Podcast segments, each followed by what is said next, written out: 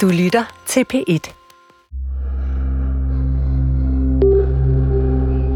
Det var simpelthen et helvede for at sige det sådan. Det var et mareridt, altså. At sidde der og vente på, om ens datter forlader os, eller, eller hun bliver. Og det var Kolding operationsgang. Kolding operationsgang 1 til Vita Odense. Der var øh, stille, og det eneste vi faktisk kunne høre, det var respiratoren og, øh, og hendes hjertelyd. 17-årige Mathilde er blevet overført til Odense Universitetshospital. Hun har 48 timer forinden skåret sig på en flaske, og nu kæmper hun for sit liv. Jeg går op til Mathilde, til Mathildes ansigt. Og i og med, at hun har så mange slanger, så jeg skal sådan passe på, at jeg ikke kommer til at... Så går jeg hen og kysser hende på kinden og visker ind i hendes øre, at jeg elsker hende overalt på jorden, og, og hun skal komme tilbage. Og så siger jeg også undskyld. Det siger jeg mange gange. Fordi hun er kommet så langt ud, at jeg følte, at jeg skulle have gjort noget der før.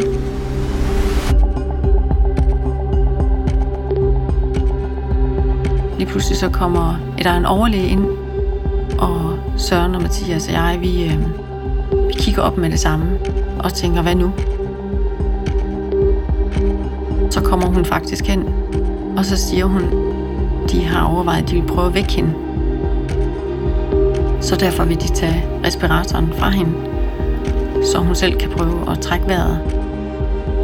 Så blev jeg først lettet, og samtidig så var jeg også bange for, at hun ikke kunne trække vejret selv. Mit navn er Christian Stemann, og du lytter til anden episode af De kødende bakterier, en P1-dokumentar.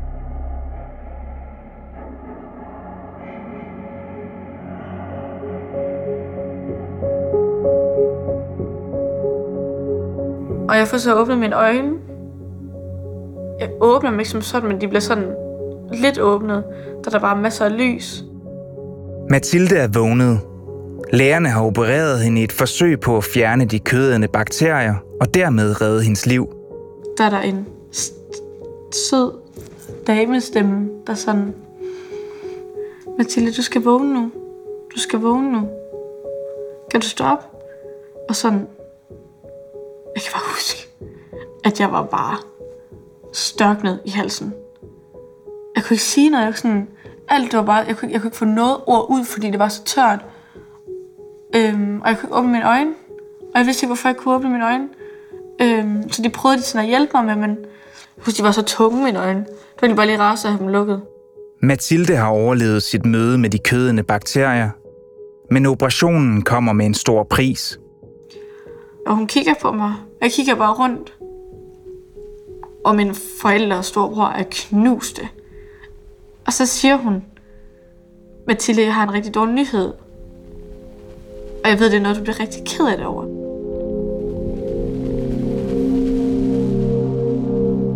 Og så kan jeg huske, at jeg tænker, hvad er det værste? Hvad er det værste scenarie, der kunne ske lige nu? Og noget, hun ved, jeg vil blive ked af det over. Så tænker jeg, så må det være virkelig slemt. Og det vil jo være, at jeg ikke havde nogen hånd. Så jeg siger, og jeg siger med en hård stemme. Jeg kan huske, jeg var meget sådan, du skal bare sige noget nu. Så jeg siger sådan, du har da for helvede ikke skåret min hånd af. Og så siger hun, Mathilde, jeg er nødt til at sige til dig, at vi er nødt til at, vi er nødt til at amputere din underarm og din arm, og din hånd og din underarm. For ellers har du ikke været her den dag i dag. Og der går klappen bare fuldstændig ned for mig, for jeg var sådan... Det er den der... Hvad der lige sket? I forsøget på at stoppe de kødende bakterier, har lægerne amputeret Mathildes venstre arm fra under albuen og ned. Det kunne bare ikke blive værre. Altså, det var det simpelthen det værste, der kunne ske. Og jeg kunne bare ikke mere. Jeg havde bare blevet... Jeg har kæmpet i, jeg ved ikke hvor mange timer, siden jeg havde ondt i min hånd for første gang, og så sidder jeg der, og så, får jeg, så, så kommer jeg ud med det her. Så jeg gad ikke mere, så jeg siger det til der. Jeg vil bare gerne dø. Altså, jeg gider ikke mere. Nu kan jeg simpelthen ikke mere. Det var simpelthen... Det var bare grænsen. Altså, det var for hårdt for mig. Og så kan jeg huske, at min storebror, min mor og min far, de falder ned over mig. Det må du ikke sige, og Mathilde, du skal være her sammen med os. Og min storebror siger, du har lovet mig, at du gerne vil sætte hue på mig, og min mor var sådan, jeg kan huske, at de sagde, at vi vil gøre alt for dig, vi er ligeglade, hvad der skal ske, du må bare ikke, du skal bare være her sammen med os. Så kan jeg huske, at jeg tænker, undskyld, sagde hun lige, jeg kunne have været død. Jeg var sådan, der er lige meget her, jeg ikke har fået med. Så jeg kigger på lægen og siger, kunne jeg have været død? Ja, jamen det kunne jeg. Og så var jeg sådan, så kigger jeg på min familie, der bare er knust, og så var jeg sådan, det kan jo heller ikke, jeg skal jo ikke være væk, jeg skal jo være her sammen med dem, så betyder en hånd jo lige pludselig ingenting.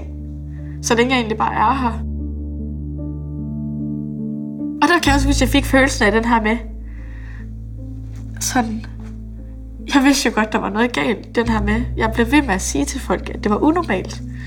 Det var ikke normalt, det der skete. Men der var ikke der forstod mig. Og nu sidder jeg her.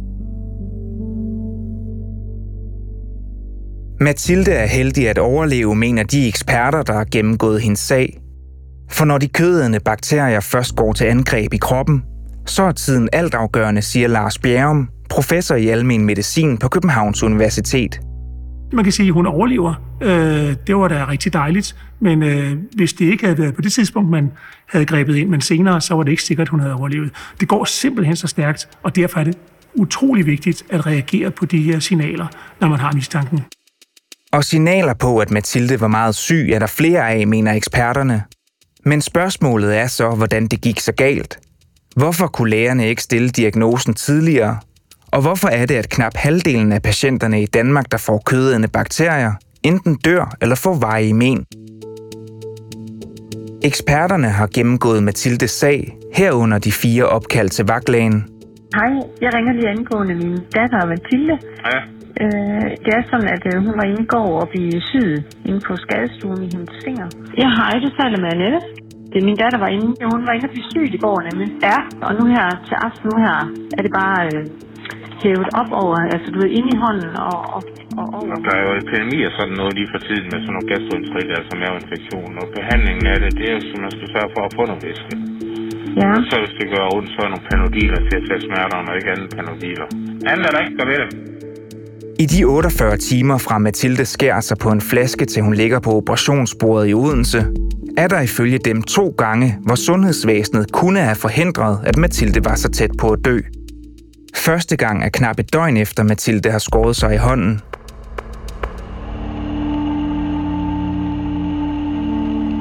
Jeg ser sådan en øhm, bule på min hånd. På ryghånden. Ikke en væskeboble, men sådan en bule, som buler lidt ud. Det er i hvert fald ikke naturligt. Da jeg ser det, der er jeg i chok, fordi jeg har ikke set noget lignende. Jeg har ikke set sådan noget før. Vi er tilbage om lørdagen hjemme i Jels, hvor Mathilde under en gåtur med sin mor bliver ramt af store smerter.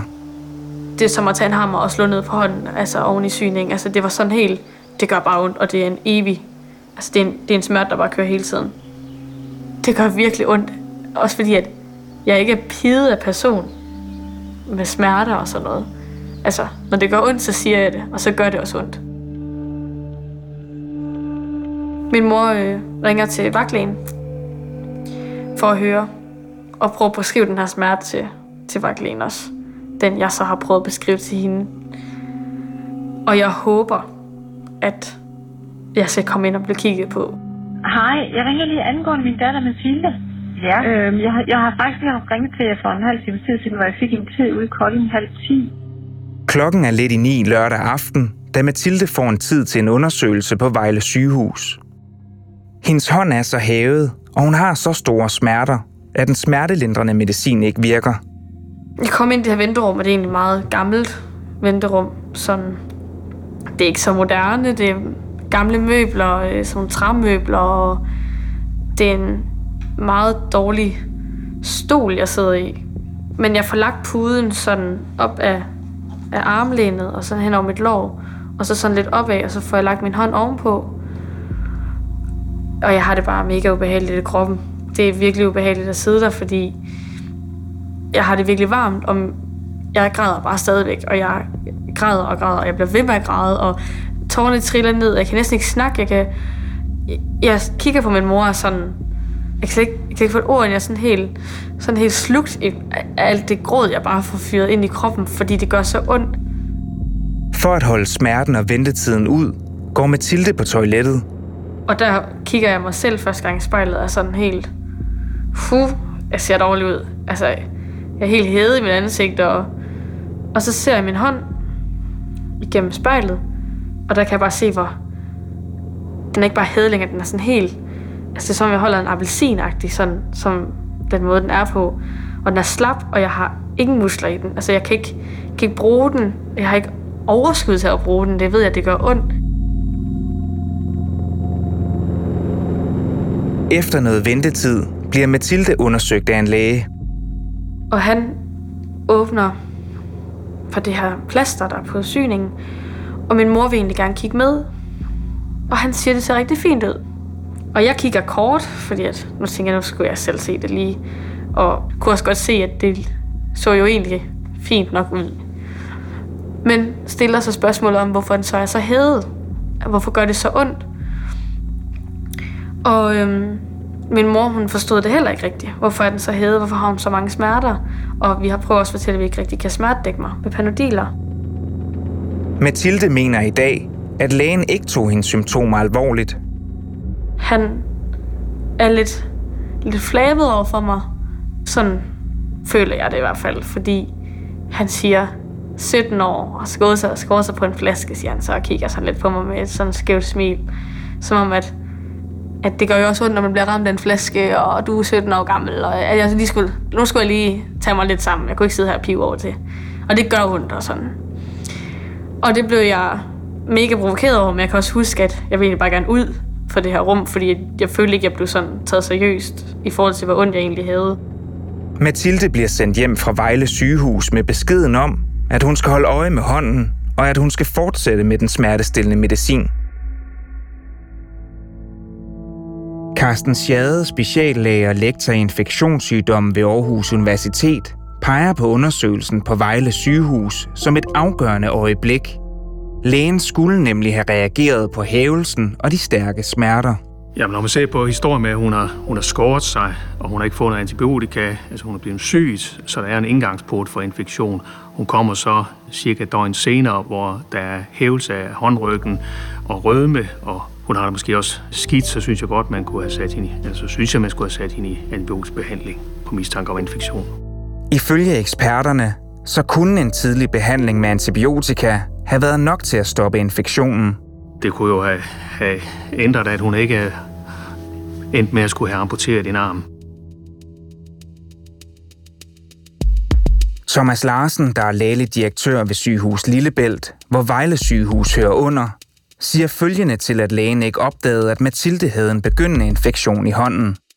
Det, der er sket i det her forløb, er jo med til at minde os alle sammen om, at der findes nogle alvorlige og sjældne tilstande, som vi altid skal have i baghovedet, når vi vurderer eksempelvis et sår.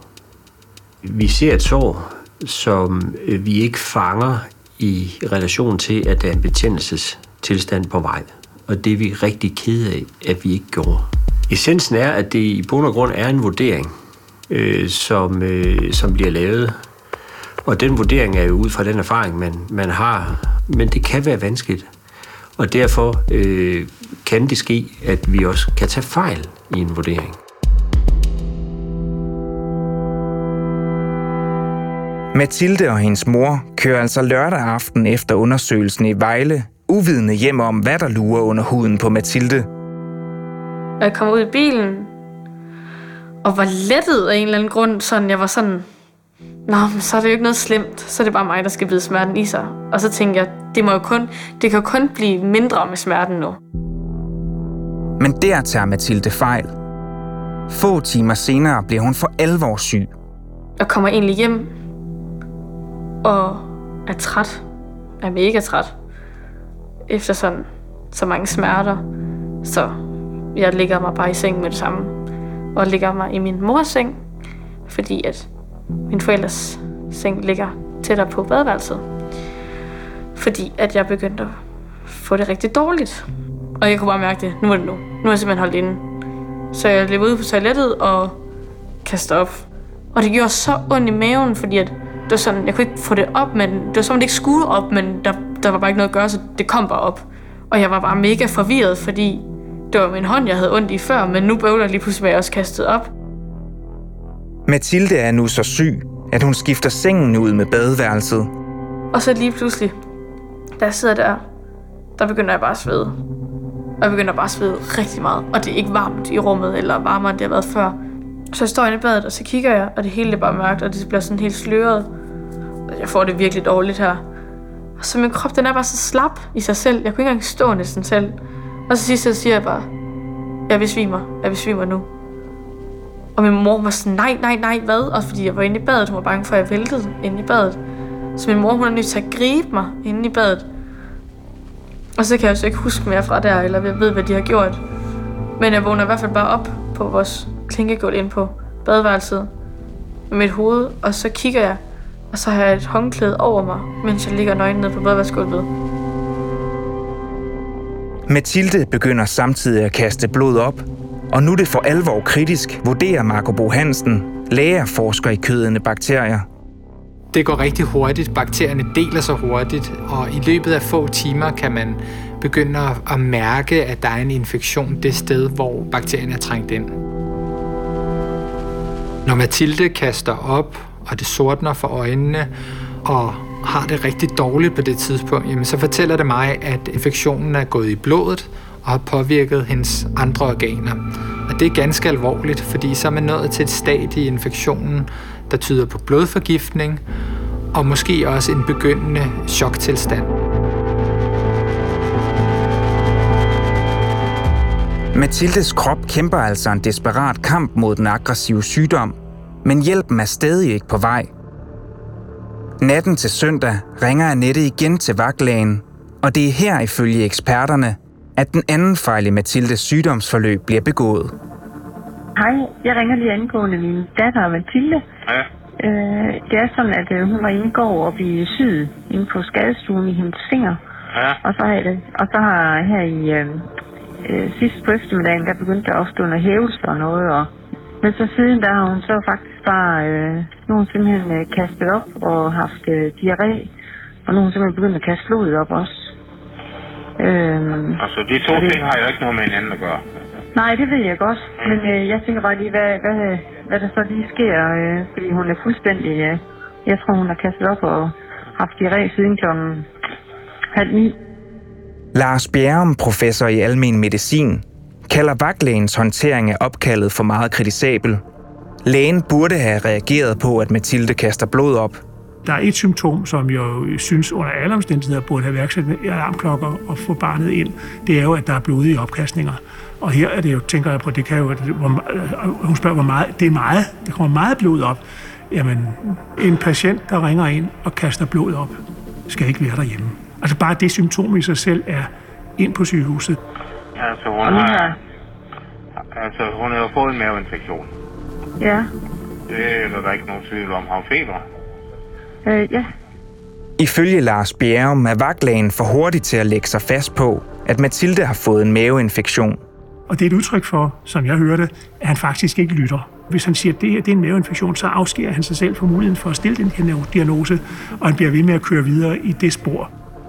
Han hører ikke, hvad moren siger, og, og så en anden væsentlig ting, han viser faktisk heller ikke nogen empati over for moren. Hvis han gjorde det, ville han måske have bedre lejlighed til at få hende til at fortælle noget, der var relevant. Det er der jo ikke så meget at gøre ved.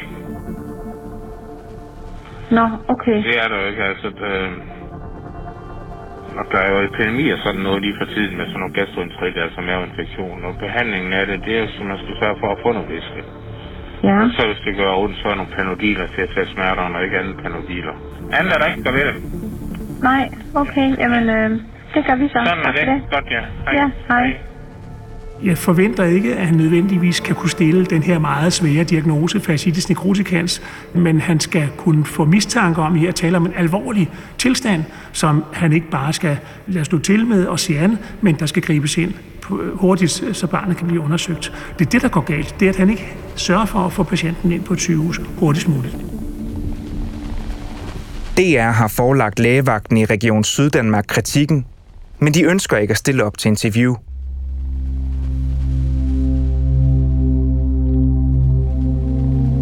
Det er søndag, cirka 44 timer efter Mathilde skar sig på en flaske. Hun har været på hospitalet, og familien har været i kontakt med vagtlægen tre gange. Mathilde er kommet igennem natten, men hun er fortsat alvorligt syg, og familien ringer derfor for fjerde gang til vagtlægen og forklarer symptomerne. Denne gang får de tid på Kolding sygehus. Der er nogen, der skal kigge på mig, der er nogen, der skal se mig, fordi det er et af, man kan beskrive mig over telefon, men to af, måske også selv kan få sagt ord på, hvor ondt jeg egentlig har i hånden. Og måske også bare det der med at bevise over folk, prøv at se mig, jeg, jeg har det virkelig dårligt. Jeg kan mærke på mig selv, at jeg har det dårligt. Da Mathilde ankommer på sygehuset, har hun det så dårligt, at hun har svært ved at sidde op. Det var bare sådan en klap. Så blev det bare sort. På Kolding sygehus går det op for lægerne, at Mathilde er meget syg. 48 timer efter Mathilde bliver syet i hånden, vælger de igen at åbne hendes sår op. Nu opdager de, at hånden er inficeret med kødende bakterier, forklarer Carsten Schade, der har gennemgået hendes journaler. De opdager jo, altså det her døde væv, det er sådan et typisk tegn, når man åbner og spalter, altså det er sådan noget, man kalder opvaskevand, sådan noget gråt, grumset væske. Og så opdager de jo, at det har spredt sig ned over tommeltotten, og det har spredt sig på hånden, og det har spredt sig langt op på armen. Så de opdager jo, at der skal større operation til, for at de kan få fjernet alt. De vurderer, at der skal nogle specialister til at operere hende og sender hende så afsted til Odense Universitetshospital. DR har fået agtindsigt i opkaldet mellem Kolding sygehus og vagtcentralen. MK Vagtcentralen, det, skal stå i Kolding. Jeg skal helt køres lidt her fra operationsgangen på Kolding sygehus til Vita i Odense. Operationsgangen, siger du? Lidt. Har du ikke lige øh, med Og hvad er der behandling undervejs? Jamen, hun er, hun er bedøvet. Hun er intuberet. Hvem er lægesygeplejerske eller i? Altså, der er narkosygeplejerske og narkoselæge med. Man prøver jo at holde væsketerapi, hælde væske på hende for at holde hendes blodtryk op, og så er man, øh, så er man øh, livstruende syg. Mathilde vågner altså op på Odense Universitetshospital. Hun har overlevet, men lægerne har amputeret hendes venstre underarm. Langsomt går det op for hende, hvor tæt hun var på at dø. Og så fik jeg bare et helt andet syn på det, som var sådan... Så vendte jeg bare lige så var sådan, kunne jeg være død? Og så kiggede jeg bare på mine forældre og min storebror og var sådan, det kunne jeg jo heller ikke, jeg kunne ikke, jeg kunne ikke være død over for min, altså, jeg fik nærmest helt ondt af dem, så jeg var sådan, Nå, så var jeg sådan, så fuck da den arm, så betyder den jo ingenting i forhold til at kunne være her den dag i dag.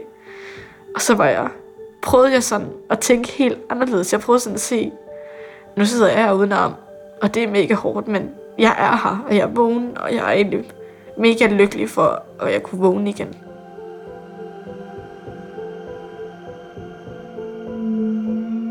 Mathilde er altså ifølge eksperterne heldig, at hun overlever. Men det er ikke alle patienter i Danmark, der gør det, når de bliver ramt af de kødende bakterier. Knap et år efter Mathilde får sin underarm amputeret, er 44-årig Søren Rosenlund Christensen ude at cykle. Han bliver påkørt af en bil og får et sår på sit knæ. Ligesom ved Mathilde skal en vagtlæge overse symptomerne på den farlige sygdom. Men det er ikke det eneste. Et hospital fyldt med specialister skal gøre det samme, og det får fatale konsekvenser. Hans ben bliver mere og mere blåsort nedad. Han kan ikke bevæge sine tæer. Hvis man har så alvorlig infektion, så tæller tiden tæller. Ham lægen, han kigger på det og siger, at det der det er alvorligt. Det der det er alvor, ikke? Smerten er uudholdelig, måske som følelsen af at blive brændt levende på et bål. Jamen, det er det helikopter, vi snakker om, ikke? Og det er helikopter, jamen, jamen så jeg adviserer dem på den anden side. Ja, det skal være helikopter. Ja, ja, det, det, ja, ja.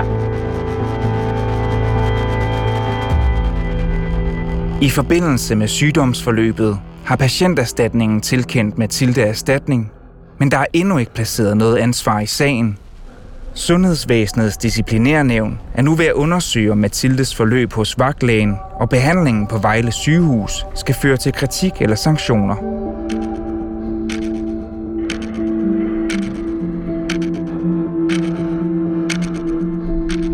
Du har lyttet til De Kødende Bakterier, en podcast fra p Dokumentar. Idé og research af Allan Christiansen. Ida Skjærk har lavet lyddesign, Temamusik er komponeret af Asbjørn Kjærgaard Pedersen. Anne Skjerning er redaktør. Og serien er tilrettelagt af Jonathan Plasing og mig. Jeg hedder Christian Stemann.